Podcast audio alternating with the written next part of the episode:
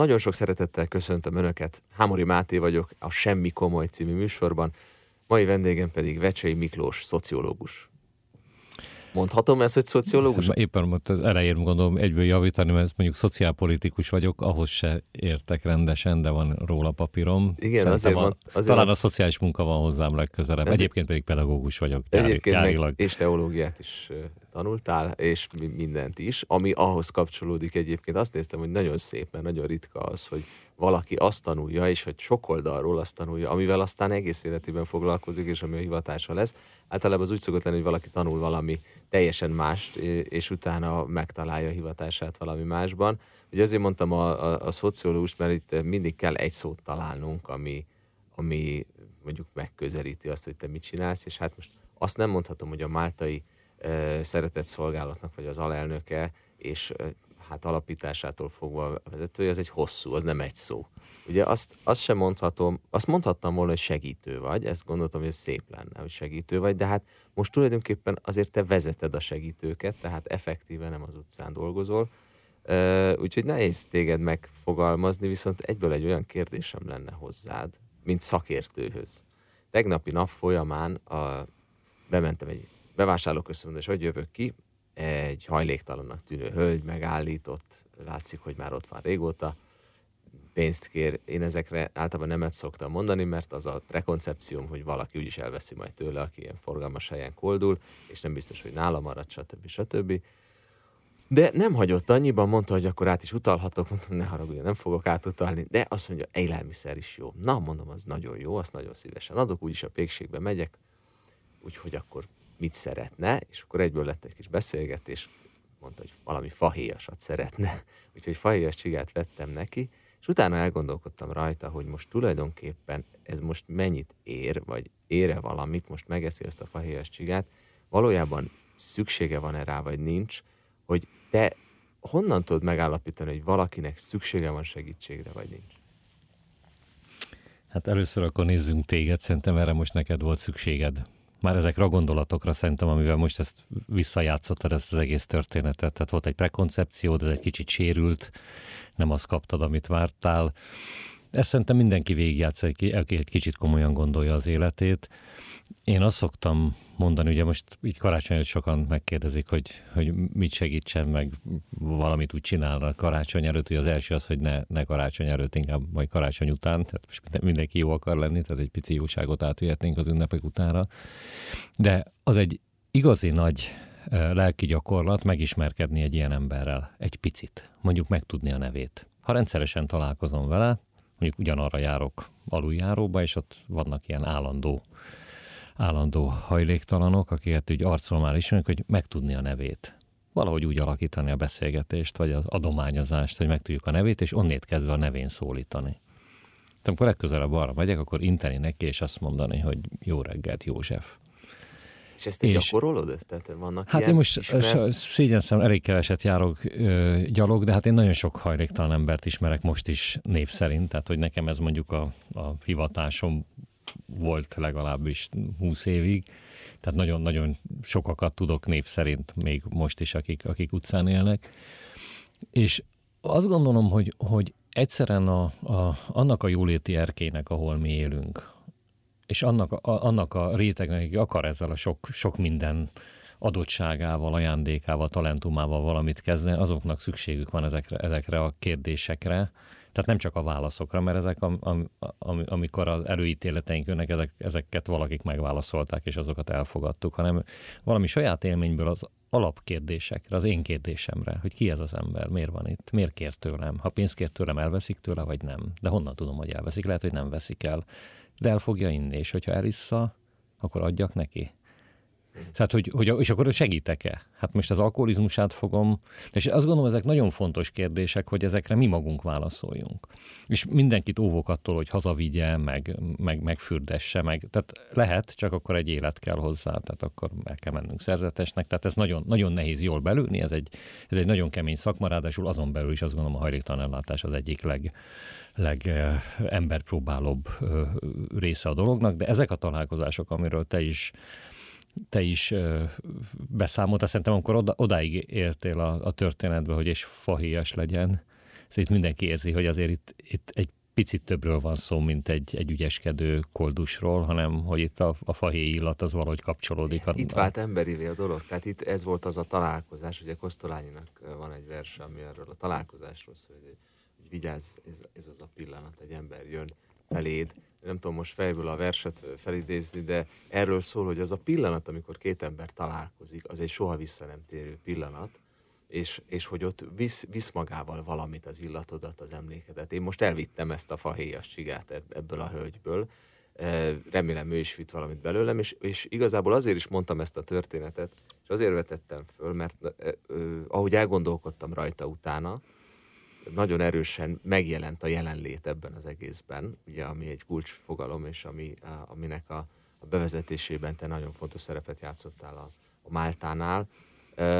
És erről majd fogunk később beszélni, hogy mi is a jelenlét, de hogy, hogy maga ez az emberi találkozásnak ez az adott pillanat, amikor eltűnik a, az előítélet hálója, meg eltűnik az a maszk, ami minden emberen rajta, vagy te egy, nem tudom én, jómódú, jól szituált intellektuál vezető vagy, az pedig egy lecsúszott alkoholista, nem tudom én, koldus, homeless, hanem ezeket a maszkokat, vagy, vagy nem tudom, ezeket a szerepeinket levetjük, és egy pillanatra az, hogy hát én a fahéjas csigát szeretem. Jaj, de jó, én is szeretem, akkor tessék. Az engem nagyon érdekelne, hogy mindenki tudja meg, aki egy picit ebbe belelát, bár e- viszonylag rejtve van a ti szakmátok, érdekes módon, pedig, pedig nem kevesen vannak, akik segítenek és segíteni akarnak. De amikor te ott voltál gyerekként, annak idején, akár szőnyben, akár már később, de hogy akkor volt egy olyan meghatározó pillanat, amikor azt érezted, hogy neked ez a találkozás, ez kiemelten fontos, hogy a másik emberrel ilyen módon találkozz, és esetleg segítőkezet nyújts neki? Hát ezt inkább a, inkább a szüleim elmeséléséből tudom, hogy ilyen, ilyen nagyon, nagyon majdnem betegesen szerettem segíteni pici koromban, tehát lestem, hogy valahol segíteni tudjak, aztán ez, ez azért elillant, tehát amire már én emlékszem, ez a pubertáskor, tehát ott messze nem ez volt az ismertető jelem, hogy én segíteni akarok. Valószínűleg a, a szüleim, édesapámat most vesztettük el egy pár nappal ezelőtt, és amikor így, így így emléksz, emlékezünk rá, rengeteget beszélgetünk most az, az emlékekről, hogy, hogy ő olyan elképesztően nagyvonalú volt. És nem úgy, hogy szórta a pénzt, hanem, hanem nagyvonalú volt abban, hogy el kell engedni dolgokat, ami, ami nem sikerült, vagy tehát nem, nem, nem megőrizni a kudarcokat, és azt gondolom, hogy ez a kudarc nem megőrzése, ez a kulcs. Tehát ez az elengedés. Tehát elengedése a nem sikerült dolgoknak, mert ha a kudarcot megőrzöm, akkor nincs kedvem újra nekiállni valaminek. Tehát és az a, az a hivatás, ami a miénk, vagy az a munka, ami a miénk, mert időnként azért az, az rengeteg kudarcot hordoz. Már legalábbis ahhoz képest, amit a társam sikernek érez. Tehát a mi sikermértékegységünk az, az teljesen más, mint amit a társam sikernek gondol. És hogy nagyon meg kell tudnunk tanulni, örülni pici dolgoknak. És így most pont eszembe az első karácsony, amit hajléktalan emberek között töltöttem, és és otthon aztán családi körbe kérdezték, hogy na de hát van valami sikerélményed, és akkor mondtam, hogy egy gyönyörű találkozásom volt előző nap este, hogy egy bácsi odaállt elém, megölelt, és azt mondta, hogy azt adja nekem karácsonyra, hogy nem fog inni. Hm. És akkor kérdezték, és nem iszik? Elmondom, de iszik. És éreztem, ahogy kimondtam, hogy de hát ez nagyon nevetséges, amit én most itt elmondtam, de hogy azt a képet, ahogy odaállt elém, azt én láttam. Abban volt valami pátosz, valami igazi ajándék, és aztán gyenge volt hozzá, de de itt nem egyszerűen egy átverés volt, vagy egy hazugság, hanem ő abban a pillanatban úgy gondolta, hogy ő ezzel engem megakadályoz, aztán nem sikerült, és ilyen van az ember életben. De hogyha az ember ebben a azt jegyzi meg, hogy de hát már újra berugott, és nem azt a képet, ahogy ő odaállt és megölelt, akkor valószínűleg nem, nem fogja választani ezt a hivatást. Nekem ez a kép azóta is egy ilyen őrzött kép, persze a karácsonyi vacsorán elszenvedett értetlenség okán, de hogy, hogy rengeteg ilyen van, amiből az engem rengeteget tanul, fölismer, valahogy ilyen, ilyen megfejthetetlen, mondjuk bibliai képeket megfejt, vagy kibomlik az egy talentum, a tíz talentum, ahogy, ahogy az egy talentummal is valamit azért mégiscsak kell kezdeni. A, tehát, hogy ezek ott, ott azokban a találkozásokban, amit te is mondtál, hogy 8 milliárdból valakivel találkozni, hát ez nyilván nem véletlen. Tehát, hogy azzal valami dolgod van azzal az emberrel. És azt hiszem, hogy ezek azok a felismerések, ami aztán adott esetben jó esetben hivatássá válik, Nekem nem volt ilyen. Ja, ezt kérdezted, most már beszéltem egy fél órát. Tehát az, az, a, az, a, az, a, válasz nem. Az a válasz, hogy, hogy nem, nem, volt ilyen, nem volt ilyen pillanat. Egy dologra nagyon emlékszem, hogy az nagyon sokszor volt bennem, amikor, amikor, amikor semmiképpen nem gondoltam magamról, hogy én, én lehetek nem jó, hanem olyan elfogadott vagy közkedvelt, mert annyira nem jöttek össze a dolgai mondjuk a sulima, hogy akkor is az olyan nagyon-nagyon határozott vágyam volt, hogy emberekkel foglalkozhassak. Tehát orvos nem, mert ahhoz tan- nagyon sokat kéne, jogászhoz is nagyon sokat kéne tanulni, és akkor maradt ez a pedagógus esetleg, vagy most szegény pedagógus, akit, tehát én, én magam ilyen vérbeli pedagógusnak gondolom, magam 16 évek, évig tanítottam is, hogy ez a minden, életem minden percét, vagy minden, minden rész, részét valahogy az emberek között, vagy az emberek szolgálatában tölteni. Ez nem volt így kikristályosodottam bennem, de az, az érzés, hogy én köztük akarok lenni, és, és leginkább azokkal, akik, akiknek adni tudok valamit, ez szerintem ilyen aránylag korán eldőlt bennem. Ez egy fontos momentum, mert ez egy, hogy mi a drog, ami, ami tovább viszi az, azokat az embereket, akik ezzel foglalkoznak. Mi az, ami, és ezt szerintem te most kimondtad ezzel a karácsonyi történettel, mert az emberek gondolkodik, mondjuk a jólétből, Budapestről gondolkodva ezeken a dolgokon, hogy miért csinálják a szociális munkát, miért megy ki, miért költözik le, miért él ott, mert hogy nem a fizetésért, az biztos, e, nem a társadalmi megbecsültségért, ami hát azért valljuk be messze nincs ott, mint ahol ennek lennie kéne, hanem miért? És valószínűleg az a pillanat, hogy találkozik két ember, mert ahogy te ezt most elmondtad, és azt én láttam, hogy a szemedben milyen e, fény gyúlt abban a pillanatban, az, amit az a másik ember, az, a, az az alkoholista öreg neked adott, az az ajándék, az olyan, hogy azt az ember újra és újra meg akarja kapni, vagy át akarja élni, nem?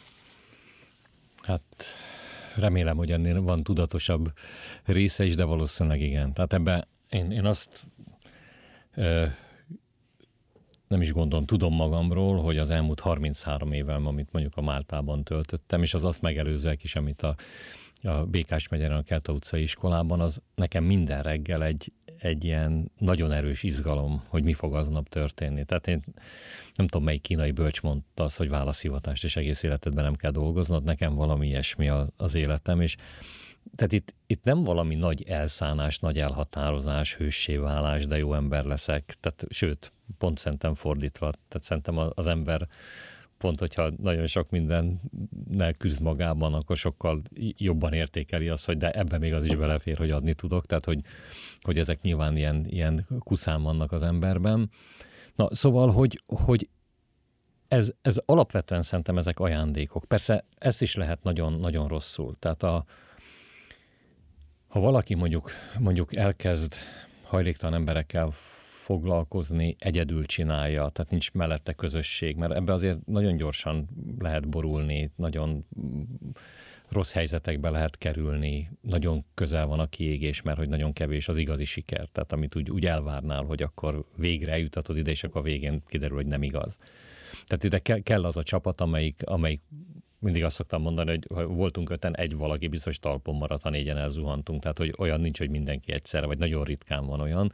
És ez, ez, ez még gyakorlat is volt, emlékszem, amikor akkor nem tudom, még akkor nem kellett ilyen PC-nek lenni, akkor még csövivadásznak hívtuk azt, amit csináltunk a 90-es évek elején, beültünk egy autóba, és este végigjártuk azokat a pontokat, tehát még nem utcai munkának hívtuk, ahol hajléktalan emberek tudtuk, hogy kint laknak a, a, a csillagos ég alatt, és hát abban azért voltak, voltak hát súlyos kérdések, amikor mit tudom én, gyereket is találtál, hogy, hogy a, de nem akartak bejönni sehova, sőt úgy láttad, hogy bujkálnak, akkor azzal mi a dolga, jámügy, tehát hogy na- nagyon sok minden, agyon tudta nyomni az embert, és akkor az volt például a gyakorlatunk, hogy, hogy voltak éjjel-nappal nyitva tartó mekik, és akkor oda beültünk addig, amíg, amíg nem, nem jött vissza belénk a kedv. Tehát nem mentünk haza agyon nyomottan, hanem még egy órát rászántunk, hogy ott el, el, el nevetgéltünk, vagy elbeszélgettünk. Ez egy ilyen egy ilyen kitalált gyakorlat volt, hogy hogy most biztos valami mentálhigiénés tréningnek hívnák most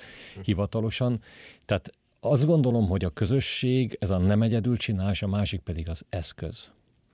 Tehát amikor mi most ugye azt mondjuk a munkánkra, hogy diagnózis alapúan szeretnénk dolgozni, tehát egész közel oda menni, és azt segíteni, amire szükség van, a diagnózisig teljesen rendben van minden. Tehát van többnyire van elég tudásunk, vagy ha nincs, megszerezzük.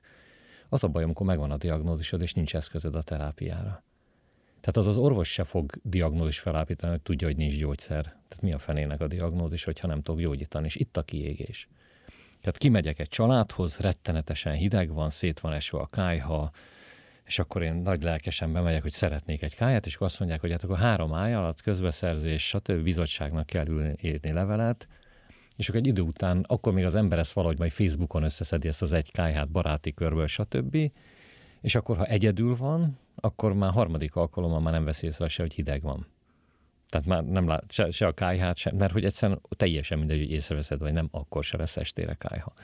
És itt ezért nagyon nagy felelősség eh, ebben az ügyben dolgozni, és főleg, hogyha az ember vezetővé válik, mert ha nem tudsz eszközt adni a kollégádnak, hogy embert mentsen, akkor vagy elmenekül, és az a jobbik eset, vagy ott fog kiégetten eltölteni egy életet ebben a szakmában, és úgyhogy megszokja, hogy nem lehet segíteni. Én most már egy ideje ismerlek téged, és sokat beszélgettünk, és mindig, mikor megyek hozzád, az a benyomásom, hogy azon túl, hogy 26 órát dolgozol egy nap, és nem csak te azért, ahogy látom a kollégáid is, tehát ebben a, ebben a szakmában, vagy ebben a hivatásban azért nincs, nincs egy ilyen munkakerülő attitűd, hanem mindenki gyakorlatilag az életét beledarálja ebbe, a, ebbe az egészbe, és jó kedvűen darálja bele, az egy nagyon fontos dolog, tehát nem, nem kötelezőből és muszájból. De azért azt láttam, hogy neked a, a stressznek és a frusztrációinak a 90x százalék az arról szól, hogy ezeket az eszközöket tudod-e biztosítani azoknak, akik ott vannak, e, és ebben azért azt lehet mondani, hogy már azért évtizedes tapasztalatod van, hogy hogy lehet ezeket az eszközöket alkalmazni, mert ugye vissza, visszamenve egy picit erre a 33 évre, 89-ben alakult meg Magyarországon a, a Máltai Szeretett Szolgálat. E, ugye egy hát valamennyire külföldi indítatásra is a Fényes Csilla születésű nevű csillafon Bőzelágen, azt hiszem az a... Bőzeláger, igen. Bőzeláger a, a hölgy neve, aki, aki hát ebben segített az elején, és te már 89-től tagja vagy a, a szeretett szolgálatnak, fokozatosan lépdeltél fölfele a, a mondjuk ugye a ranglétrán, de hogy nagyon régóta rálátsz ennek az egésznek a hátterére, hogy lehet pénzt szerezni, hogy lehet eszközt szerezni, hogy lehet összegyűjteni egy rohamkocsira valót, hogy lehet jótékonysági bált szervezni, stb. stb. Mit látsz 33 éven végig tekintve? A, a magyar társadalom mennyire áll be a mögé az ügy mögé, mennyire egységes ez a dolog, és mennyire ível át mondjuk akár politikai rendszereken, akár válságokon, jóléteken, mennyire hullámzó ez? Hát, hogy gyorsan, röviden válaszoljak az elején, hogy ne hessek az erőbbi hibába. Szerintem elképesztően elkötelezett a magyar társadalom. Szerintem akár azt is mondhatom, hogy minden rétegében. Tehát a, a, a beszólós e, melós is, hogyha ha van rá időd, vagy egy, vagy egy kocsmai találkozás, ha van időd oda könyökölni, vagy odaállni és beszélgettek, ott mindenhol. Tehát az emberek szerintem jók. Vagy ha nem, akkor szeretnének jobbak lenni ott, ott van egy zárás, amikor úgy is tudja, hogy te azt gondolod, hogy ő nem jó. Tehát ott akkor jön egy ilyen dac, meg egy ilyen erő, e, e, erő kommunikáció, vagy, vagy ilyesmi. Tehát én, én végtelenül jó véleménnyel vagyok. A, a többi társamat nem ismerem jól de hogy van, van, van nyilván ezer, ezer rossz találkozás is, de alapvetően azt gondolom, hogy ha jól szólítottunk meg valakit, és ez szélesebb, meg szűkebb rétegekre is igaz, akkor ott általában megtaláltuk a, a, a támogatókat. Egy picit, ha megengeded, 89-re azért hadd térjek vissza, mert ott, ott ugye egy, ez egy zugligeti plébánia templomban történt, ahol Kozma Imre volt a, a plébános akkor, és tulajdonképpen a Málta akkor nevesedett, tehát kiderült, hogy mi Máltai szeretett szolgálat vagyunk, de a mögött már évtizedes tevékenység volt, egy olyan, hát még akkor is fiatal által, ami szerintem, hát nem, nem hiszem, hogy túl sok volt a magyar, vagy akár az európai történelemben. Tehát most nem akarom az egész történetet elmondani, de nekünk nekünk ott, ott lett világossá, hogy mi valami ilyesmit szeretnénk csinálni. Tehát Imre atyához úgy lehetett itt arra menni, hogyha valamit csináltál. Tehát azt nem lehetett csak itt arra járni. Tehát valami dolgod volt. Vagy egy idős, vagy egy fogyatékos ember, vagy egy nagy családnál BBC. Tehát valamit, és erről időnként be kellett számolnia.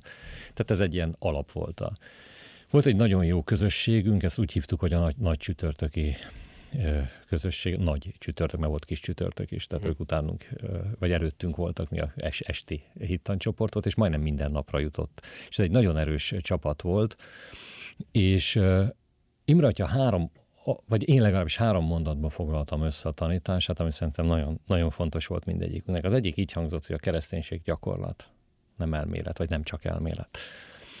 A másik az úgy hangzott, hogy a szeretet sok bűnt eltakar, erről már beszéltünk, tehát hogy ne várd meg, amíg jó leszel, mert sokkal nagyobb esélyed van arra, hogy jó leszel, hogyha így, ha magad bűnösnek gondolod, de akkor is valamit csinálsz valami jót. Ez nekünk nagyon tetszett, ezt, ezt valahogy, aztán mindenkiben az van, hogy hát majd a jók segítenek, én meg nem vagyok méltó. Tehát, hogy ezt valahogy ő nagyon, nagyon átverte rajtunk, hogy teljesen mindegy, hogy milyen állapotban vagy, jót akkor is tudsz tenni. A harmadik, és ez a mostani szempontunkból szerintem a legizgalmasabb, azt mondta, hogy kockázatvállalás nélkül nincs kereszténység.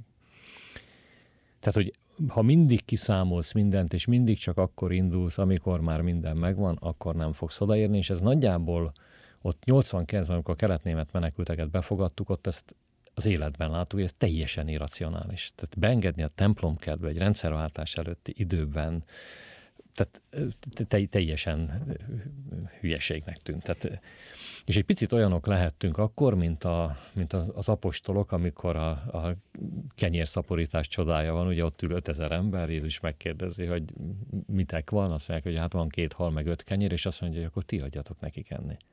Mert ugye úgy gondolták, hogy küldjük őket haza. és, és akkor hát úgy az ember így elképzel, hogy néztek egymást, hogy hát le, le kéne ugrani a Tesco-ba venni, de mert ott a főnök nem gondolta ezt végig rendesen, és a tanítványok elkezdik osztani és aztán elég lesz. És valami ilyesmi történt, és aztán ennek sok magyarázata lehet, hogy hogy lett elég az az öt kenyér 5000 embernek, hogy másnál is volt, és látták, hogy ha ők elővették, akkor mindenki elővette, de valószínűleg ez a, ez a földi magyarázata, tehát nem kellett. És valami ilyesmi történt ott is, hogy mi ezt elkezdtük csinálni, és aztán először csak ott Zugliget környékéről, aztán a fővárosból, aztán Európából, és tulajdonképpen még maradt is 12 kosárral nekünk is a végén, hiszen abból született meg az egész szeretett szolgált. Tehát ott hirtelen aztán jött egyből ugye a Románia polgárháború, a délszláv válság, és abban mi már erős civil szervezetként vett, vettünk részt. De hogyha ott mi akkor, amikor ez a történet megjelent a templommal szemben egy parkban, tehát ott a sátrak, és hogyha ott mi kiszámolunk mindent, akkor annak az lett volna a vége, hogy nem szabad. Tehát ezt nem szabad csinálni ezer okból. És aztán az a közösség, vagy hát Imre Atya elsősorban úgy döntött, hogy de ezt mi most megpróbáljuk, mert ezeknek az embereknek szükségük van ránk, és szóval a, a csoda az a, nem a csodaváróval, hanem a cselekvővel történik. Hányan voltatok akkor a kezdet-kezdetén? Nagyjából mekkora voltak? Szerintem mondjuk százan, kétszázan, tehát hogyha most a, a felnőtteket, vagy az erősebbeket gondoljuk, akik úgy rendszeresen ott egyébként is tevékenykedtek Imre körül, és akkor szerintem ez naponta ilyen 50-nel Most mennyi? Növekedett. A, a, a, most ha az önkénteseket nézzük a Máltában. Sok, sok ezer attól függ, hogy kit számítunk önkéntesnek. Hát ha most csak mondjuk a, a, a határmenti munkánkat nézzük, ugye amiről most már nincs hír, mert most már, már, már elmúlt ez a, de hogy ugyanúgy minden, minden, minden ugyanúgy történik, mint februárban, márciusban. Tehát ott szerintem évente több száz nagyon aktív, több napot lentölt önkéntes van a profik mellett, tehát nyilván mindig kell egy profi mag, és arra lehet rácsatlakozni. Ha azt is önkéntesnek szállítom, aki most majd jön az adni öröm a következő napokban a spárban, ott, ott hát nem tudom, országosan nem tudom hány száz helyen vagyunk jelen, ott tehát minden nap két garnitúra legalább öt ember, tehát több ezeren fogunk a következő hetekben részt venni. Tehát az ilyen napi, nagyon rendszeres, kiszámítható munkát végző az néhány ezer, és akkor ez föl tud menni nagyon sok ezerig, amikor valami nagyon fontos feladat van, egy menekültügy, egy, egy karácsonyi készülődés, vagy valami, valami rendkívüli. Ugye itt végig húzódik nyilván az egész beszélgetésünk alatt, és fölött és körülött a, egy nagyon fontos szál, a kereszténység. Mert ö, ugye ez ugye egy civil szervezet, egy katolikus civil szervezet, a, a Málta, és az embernek az egy benyomása, hogy így erről beszéltél, egyrészt van egy párhuzam az őskeresztényeknek a kicsiből a nagyba, az értől az óceánig eljutó fejlődése, és ugye, amit az előbb említettél, a csodálatos kenyérszaporítás, az a, a szeretetnek a, valahol a, a, a paradigmája, vagy a szeretetnek a, a szimbóluma, vagy metaforája, hogy az egyetlen dolog a világon, amit ha minél többet osztasz, annál több lesz neked is, az a szeretet. Minden más egy picit el tud fogyni. Szóval az emberek az a benyomása, hogy azzal párhuzamosan, hogy a, a nyugati világban, vagy mondjuk Magyarországon a, az egyházak szerepe mondjuk úgy, hogy átértékel, vagy egy kicsit kevésbé központi, mint mondjuk akár 150 évvel ezelőtt, mintha átvette volna, vagy átvenné egy ilyen típusú szervezet picit a társadalomban azokat a kapcsolódási pontokat, amik a Krisztusi tanítás és az emberek között vannak. Mert amikor mondjuk a, arról beszélünk, hogy a, a FETE felzárkozó települések programban résztvevő e, településeken jelenlévő máltások találkoznak, és ott megjelenik a segítésnek és a, a, az érdek nélküli jóságnak a, a tevőleges jelenléte ott van, akkor tulajdonképpen Krisztus tanításával, ha nem járnak templomba azok az emberek, vagy nem hívők, akkor így találkoznak.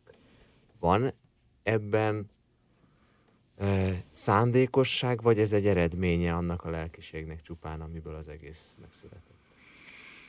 Hát ezt eléggé belülről látom, tehát nem hiszem, hogy túl, túl objektív, amit, amit mondok. Én nagyon óvatos vagyok a, a kereszténységünkkel. Tehát egyrészt azt gondolom, hogy, hogy úgy összességében, ugye én roma, romai katolikus vallású vagyok, templomba járó ember, hát én azért nagyon sokszor látom, hogy az, amit én mondjuk egy vasárnap esti szentmisén elszenvedek, hogy az nem vonzó. Tehát, hogy nem, nem merném mindenkinek tanácsolni, hogy bátran menjen be egy katolikus templomba, és akkor ott majd vigaszral el, vagy ilyesmi. Tehát, hogy azt gondolom, hogy nagyon, nagyon sok dolgunk van magunkkal. Tehát, hogy ezt én nagyon örülök, ha erről tudunk beszélgetni.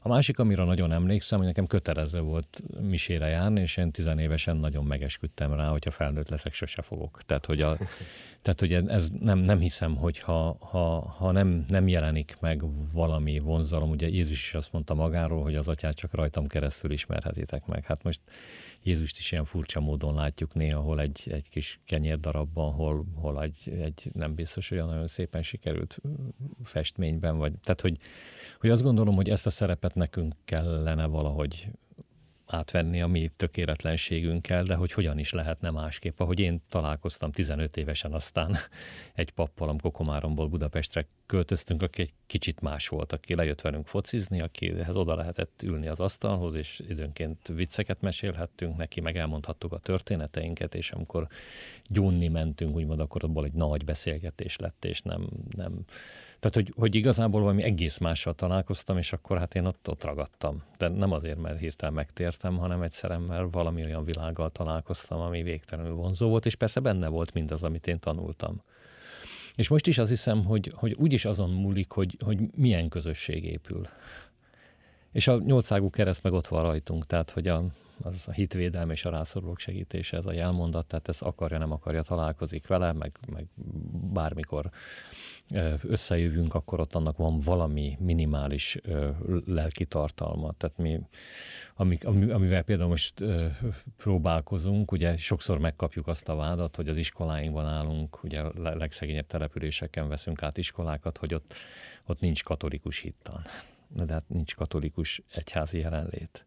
Tehát, hogy senki nem gondolja magát katolikusnak. Miért tanítanánk katolikus hittan? Tehát mi Jézus történeteket mesélünk, arról beszélgetünk, és majd, hogyha eljutunk odáig, akkor igen, és hogy ez a kicsit ez a minimál liturgia, ez a nagyon letisztult ökumené, amikor a legkisebb közös többszörös, hiszen te is hallottál Jézusról, vagy hát legalább a jóságról, vagy, vagy arról, amit közösen jól csinálni, akkor beszélgessünk egy picit arról, vagy énekeljünk arról, hát amit veletek is csinálunk, hogy hát amikor az ember a csendeseit énekli együtt sokakkal, akkor azért az úgy összerázza az embert azzal a, azzal a dallamvilággal, amiben az az egész, egész megszületik.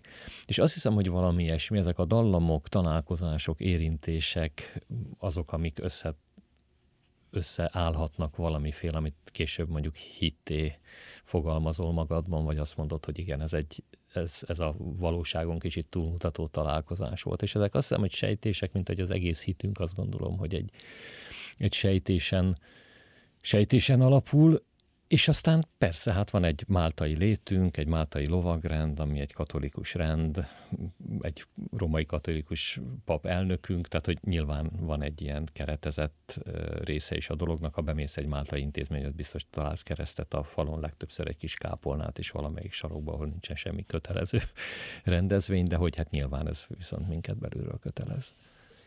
Az előbb beszéltél a diagnózisról, azt hiszem a te miniszteri biztosi, vagy miniszterelnöki biztosi megbizatásodban is szerepel, hogy diagnózis alapú.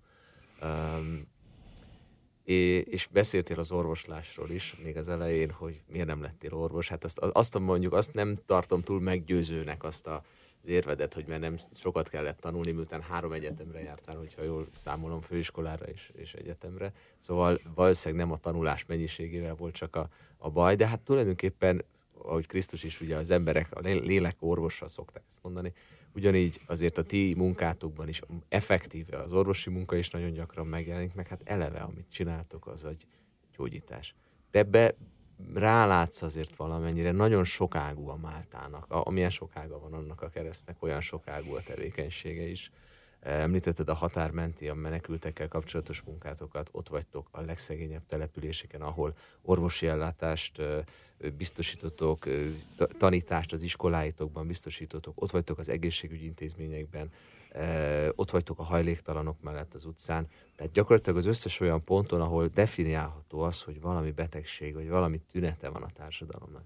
De mit mondanál, hogy magyar társadalom egy elmondható, hogy nagyon-nagyon mögött áll és nagyon segítőkész. De mennyire beteg ez a társadalom? Hát akkor először kéne a betegség szót ö, ö, értelmeznünk, hogy mit is értünk alatta. Hát a, a hú, ez nagyon, nagyon filozófia már, de hogy tehát, ha körülnézel, a, világunk beteg. Tehát, hogy azt gondolom, hogy olyan alapvető kérdésekre nincsenek jó válaszaink, sőt, még tovább megyek, nincsenek jó kérdéseink. Tehát egy olyan, olyan világban élünk, ahol ömlenek rád a válaszok, de ömlenek. Tehát bármit kinyitsz, és egyszerűen arra sincs időt, hogy végig gondold. És én, én azért nem is szoktam részt venni se politikai vitában, sem egyéb ilyen értékrendi vitában, mert hogy nincsen olyan hely, ahol ezt úgy le lehetne fejteni nyugodtan, mielőtt rád mondják, hogy vagy rasszista, vagy, vagy mit tudom én, ókonzervatív, vagy... És hogy, hogy azt hiszem, hogy ha ilyen szempontból nézzük, akkor nagyon komoly baj van. Nagyon komoly baj van, hogy, hogy hullanyugodtan működgetünk, és csak, a, csak az anyagi veszteségeinket látjuk, miközben tőlünk néhány száz kilométerre, akár magyarul beszélő embereket, ha már muszáj lenne ilyen nagy, nagyon közelségeket mondani, a rettegésben fekszik le, remeg minden édesanyja a gyerekéért, aki a fronton van. Mi megnézegetjük a villanyórát, hogy, hogy mennyivel fogunk többet fizetni. A, és tudom, hogy ezek mind-mind igazak, a villanyóra is igaz, meg drága az élelmiszer, stb., de hogy, hogy alapvetően azt gondolom, hogy, hogy a, a legtöbbet a betegvilágunkról kéne beszélni, hogy hogy történhet ez meg, hogy, hogy, hogy, hogy lehet az még mindig, hogy egyébként ráadásul keresztény nemzetek, vagy kere, hát nem, hát ráadásul még ez egy, egy, egy alapvető forma. És Wikipédia hogy, szerint keresztény. Tessék? Wikipédia szerint keresztény. Wikipédia, igen, ez jó, ezt jegyzem. De hogy, hogy hogy, hogy, hogy készülünk erre a karácsonyra? Tegnap olvastam a Ferenc pápának egy pár gondolatát, hogy, hogy ebbe a legegyszerűbb, legvilágosabb fogalomvilágba visszaköltözni, nem rettegni a szavaktól, nem rettegni a saját véleményünktől, de nem, nem erőltetve, örjöngve képviselni. Tehát mindegy, hogy annyi, annyiszor jön az szembe, hogy, hogy nincs értelme bizonyos gondolatokat kimondani, mert úgyse oda megy, mint a, a, a, a gyöngyöket a sertések elé, akármilyen bántó a kép, de hogy mégis ez, ez is egy bibliai kép, hogy most ezt tényleg kimondjam, amikor úgyis pontosan tudom, hogy mi fog szemből visszacsapódni. Ha ezt nézzük, akkor, akkor azt gondolom, hogy igen, egy, egy beteg világban élünk. De ha visszamegyünk, amiről beszélgetünk, tehát mondjuk egy, egy beregsurányi segítőponton, ami néhány kilométerre van a határtól, és, és, és rengeteg menekült érkezik oda, és ott egyszerre legalább 30 embernek kell lenni, hogy jól segítsünk. Tehát ugye több műszakban, többiek alszanak, és több napot kell lent tölteni, mert hogy be kell gyakorolni, tehát nincs, nem tudsz két órában segíteni. Tehát hogy ott nagyon sok minden. és hogy, hogy mi, milyen csapatokkal találkoztam len.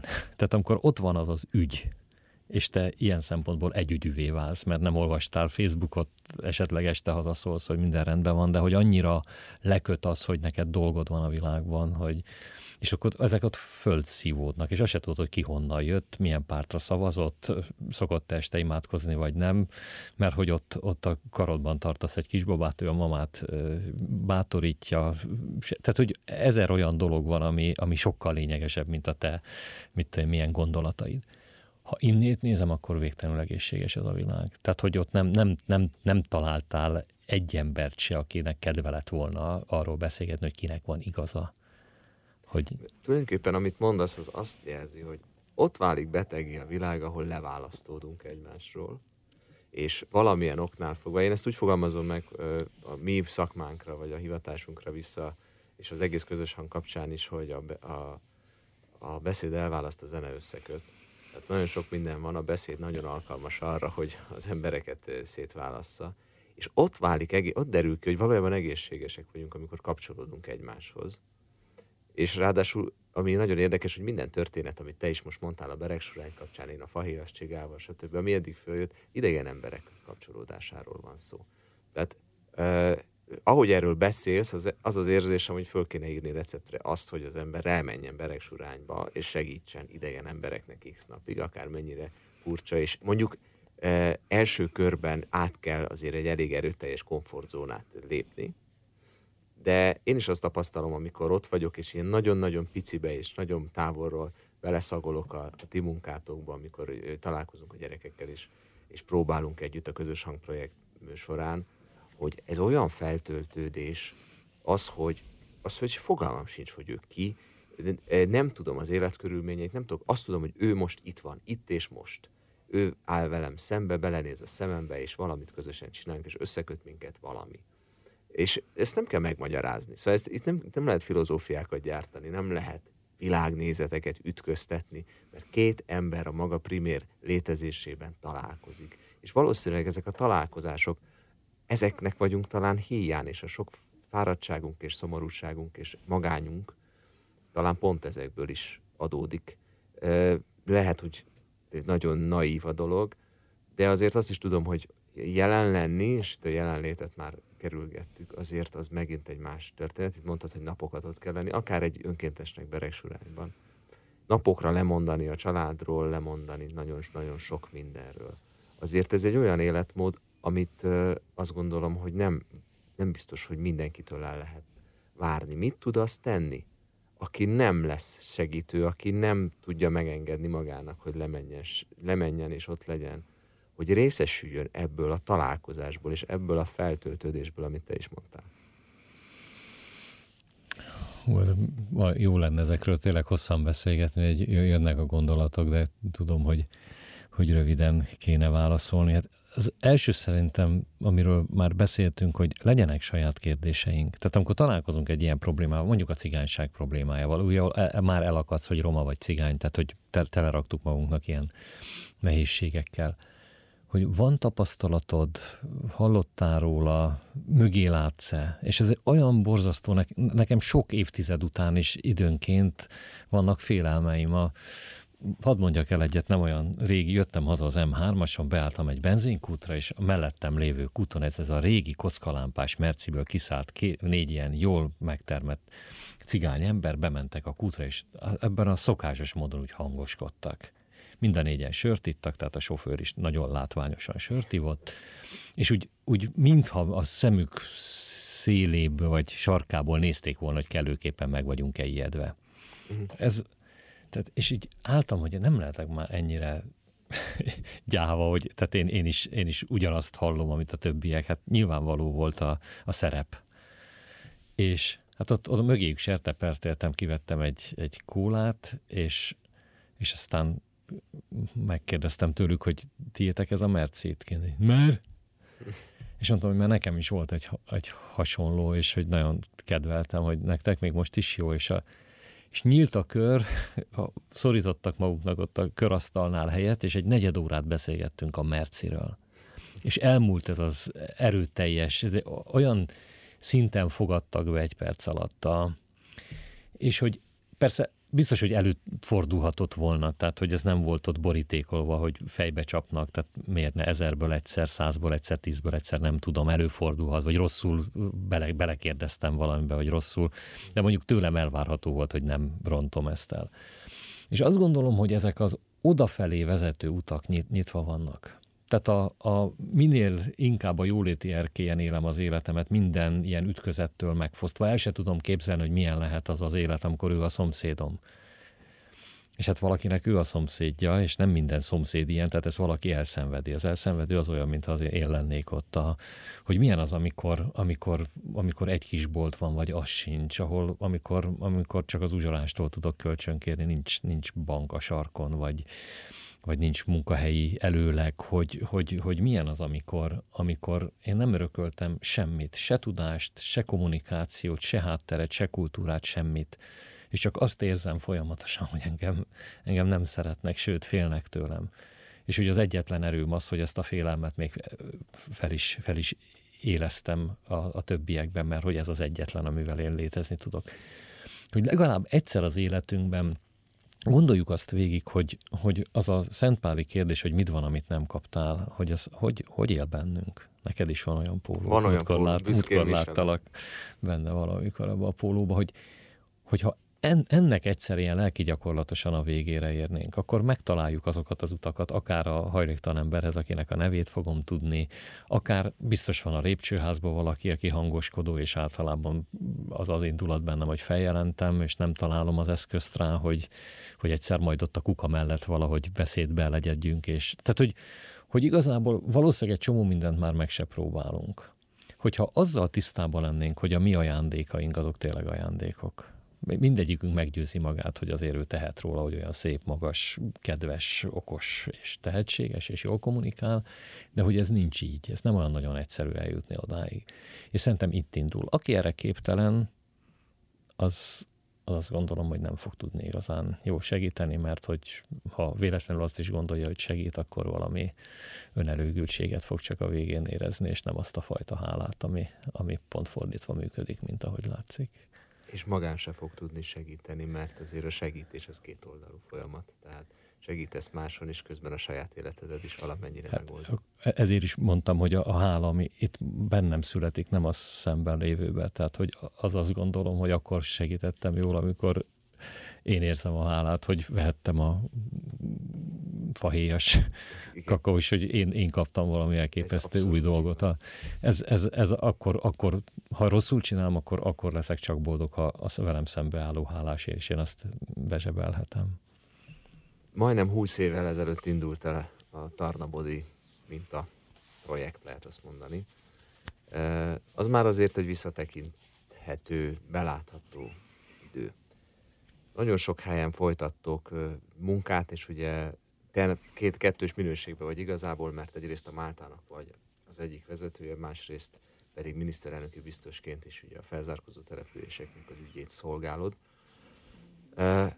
Van, biztos vagyok benne, hogy van a fejedben egy jövőkép, amikor azt mondjuk, hogy itt vannak ezek a vidéki települések, ahol egyébként, és erről már mi is beszélgettünk sokat, Magyarországnak a jövőbeli erőtartalékának egy jelentős része van elföldelve, föld alá rakva, egy olyan aranytartalék, ami az ott születő gyerekek, az ott, ott meglévő vitalitásból táplálkozik, függetlenül, hogy most sötétbőrű vagy nem sötétbőrű, de bizony én is láttam és tanúsítom, és minden létező fórumon elmondom, hogy Magyarország jövője az ott van.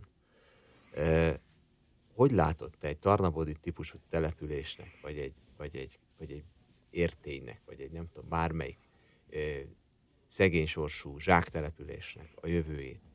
Mit lehet fölülről, belülről, alulról úgy alakítani, hogy itt valami gyökeresen megváltozzon, és legyen jövő ezekben a településekben. Akkor most újra kezdjük ugye az 50 percet. Na, szóval, nagyon megpróbálom röviden. Tehát, ugye mi az integrációról fordítva gondolkozunk. Tehát szerintünk biztos az is működik, csak, csak mi nem látjuk, hogy, hogy, hogy, hogy hol és hol tömegesen, hogy tíz fehér egységhez keverünk két feketét, és akkor az integráció. Pontosan azért, mert hogy előbb úgy mondtam, hogy az oda vezető utak nyitva vannak. Tehát minket, ha nagyon nem bénán érkezünk meg, akkor mondjuk az uzsorásokon kívül általában szívesen fogadnak, és persze nagyon nehéz jól kommunikálni, és nagyon sok idő kell, ezért aztán azt mondjuk, hogy mi integrálódunk először. Ezt neked is kell, hogy tud, hogy amikor megérkezel egy kis helyi közösségbe, akkor, akkor nem veheted elő a karmesteri pálcát egyből. Tehát, hogy ott, ott ahhoz idő kell, hogy, hogy megengedjék, hogy te karmester legyél. Ugyanígy, a, tehát mi se karmesterként érkezünk. Ha úgy érkezünk, akkor elbuktuk egész egészen biztos.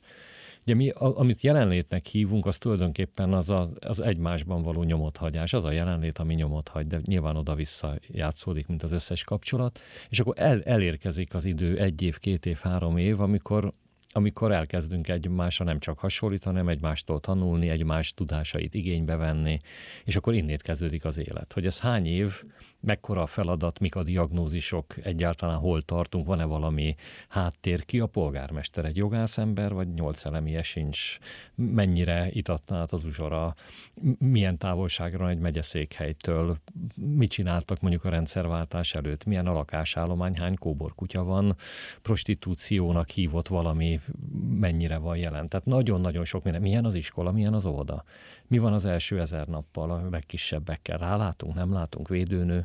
Szóval nagyon-nagyon sok minden nem múlik, de ami biztos, hogy ha ezt nem tudjuk csinálni nagyon sokáig, tehát ameddig kell, mint egy gyógyítási folyamatot, ha felénél abba, hogy lehet, hogy nagyobbat ártottál, mint, mint hogyha hoz, nem nyúltál volna hozzá. Tehát, hogy megengedi a mindenkori kormányzat azt, hogy 5-10-15 év múlva is próbáljuk azt, amire szükség van, azt odavinni. Nem azt, amire éppen pályázatot írtak ki, mert az, az elmúlt 30 év erről szólt, hogy amire szükség van. Ez egy őrült nagy bizalom a hatalom oldaláról, és még nagyobb bizalom a társadalom oldaláról. Tehát nekünk az első számú partnerünk az a társadalom. Ha a társadalom nem fogja érteni, nem fogja szeretni, amit mi csinálunk, nem fogja támogatni, és akkor a politika se fogja támogatni, ez sajnos ilyen egyszerű.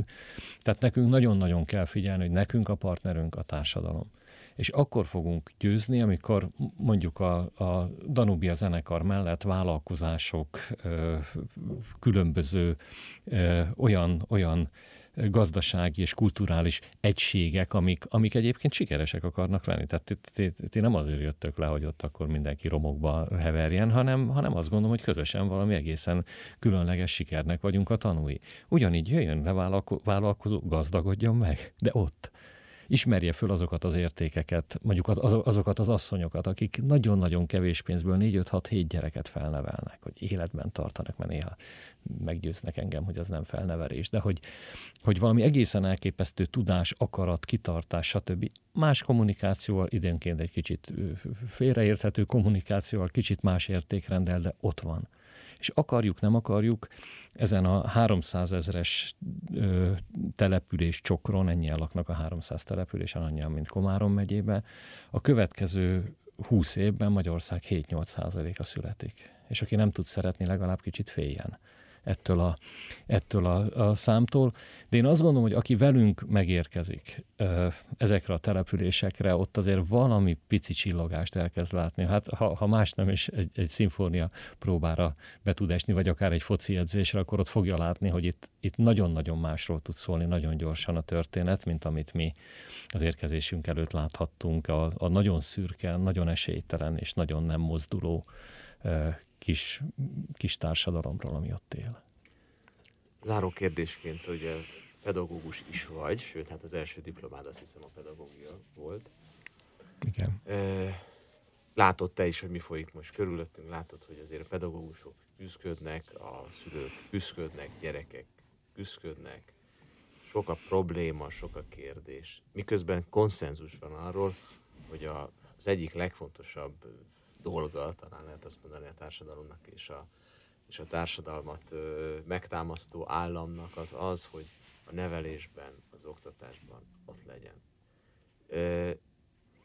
Te hogy látod azt, hogy a, a, az iskolákba, a nevelésbe, a gyerekeink jövőjébe azt, amit ti csináltok, és ennek az egésznek a jelentőségét, van arra mód, hogy az iskolások jövőre, jövőben valamikor ott legyenek, a jelenléthez csatlakozni tudjanak, minden magyar iskolás mondjuk. Ez, ez egy teljesen szürreális dolognak hangzik, de valahol, mivel a jövőnk a tét, olyan, mintha a tavainknak vagy a folyóinknak a tisztaságáról beszélnénk, amikor a falvaknak a jövőjéről beszélünk. E, mert hát ez nem csak a magyar kultúrának a vízgyűjtő területe, hanem effektíve a magyarságnak a, a megmaradásának a kulcsa.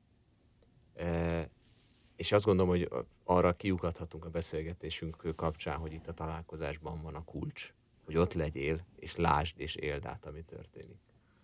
Van erre esély, van erre törekvés, hogy, hogy ott legyenek a gyerekek, budapestiek, nagyvárosiak, kisvárosiak, akármi, részt vegyenek ebben? Nagyon, nagyon kényes terület egyébként, és mivel nagyon nehéz jól látni itt a dolgokat, néha, néha, néha talán veszélyes is nagyon gyorsan találkoztatni. Ha van egy olyan terület például, mint a zene, vagy a sport, ahol, ahol, ahol nem, mit tudom, rezervátum nézésbe érkezünk, vagy nem, nem mi vagyunk a gazdagok, ők a szegények, nem adományt viszünk, tehát hogyha sikerül olyan, olyan, olyan területeket találni, vagy talán egy picit nagyobb korosztály, tehát mondjuk egyetemistákat meg szerintem nagyon sok egyetemista programunk van, és az egyetemisták nagyon értik ezt, ha lehetne rájuk bíznék mindent. A, a, tehát mit tudom, például, de tényleg csak például a moméval van nagyon, nagyon jó kapcsolatunk, rengeteget jönnek, és ott már megvan az oda-vissza. Tehát egy zalakomári kis fiatal csapat meg tud érkezni a Moméra, ami egy, az egyik legmodernebb magyar egyetem, és ott, ott barátokkal mennek le a kantinba, és isznak egy kólát. Tehát nekik ez a, ez a nagy üveg rengeteg, ez nem egy félelmetes távoli valami, hanem a, a barátaik itt, itt, itt tanulnak. Tehát, hogy ez, ez nagyon fontos lenne, de ennél bátrabbat mondok, én, én azt ö, ö, képviselem, hogy a felzárkózás matematikailag azt jelenti, hogy gyorsabban haladunk, mint a többiek. Mi azt gondoljuk, hogy ha, ha az iskolákat át tudjuk venni, vagy erős hatást tudunk gyakorolni a mi településeinken, akkor azoknak a legjobb iskoláknak kell lenni egy idő után. Tehát ez a vedd meg a legjobb iskolai igazgatót, és az majd megépíti a legjobb közösséget. Kell a pénz, de nem csak, vagy nem elsősorban. És én azt, azt látom, hogy a mi iskoláink, amiket úgy hívunk, hogy a helyi értékű iskolák, tehát ami minden olyan értéket, ami a településen van, használ, hiszen nem mindig jó a pedagógus, vagy éppen nincs de hogyha van egy elektronikai hulladékbontó, és nincs fizika tanárom, hát ott nagyon sok mindent meg lehet tanulni. Hogyha van egy pénztáros néni a boltban, és nincs matematika tanárom, hát az nagyon izgalmas dolog ott tölteni egy fél napot. A biológia és a védőnő, a nagykonyha és a kémia, tehát hogy, vagy, a, vagy az agrárvállalkozás és a biológia, hogy ezt mi nagyon szabadon csináljuk, és hatalmas élmény a gyerekeinknek és a pedagógusainknak, és hozzáteszem, hogy azoknak, akik egyébként a, a, a pénztáros létből egy kicsit a pedagógus létbe átlépnek néhány órára egy héten. Szóval azt gondolom, hogy ezek mind-mind ilyen járható, járható utak, és hogyha ha látod a gyerekeinket zenélni, miért ne láthatnánk őt ugyanígy történészként, hiszen ragyogó zenészekkel találkozhatsz, gondolom a gyerekeink között, tehát hogy lehet, hogy nem lesznek világbajnokok semmiben. De hogyha ha megfelelő közösséghez kapcsolódnak, megfelelő értékekhez kapcsolódnak, és, és ezt, ezt sokszor ismételhetik, akkor ez, ez sikerre van ítélve. Mi ezzel a, ezzel a nagyon pozitív várakozással vagyunk benne ebben az igazi kihívást jelentő munkában. Élmény volt hallgatni ezt a, ezt a optimizmust, és az, egy olyan optimizmust, ami valós talajon áll, úgyhogy az egyik legnehezebb és legdrámaibb területtel foglalkozol. Nagyon szépen köszönöm, hogy itt voltál, és bízom benne, hogy sokan át fogják élni, nem csak a hallgatóink közül azt a találkozást, ami megváltoztathatja az életüket. Köszönöm szépen. Én is nagyon köszönöm.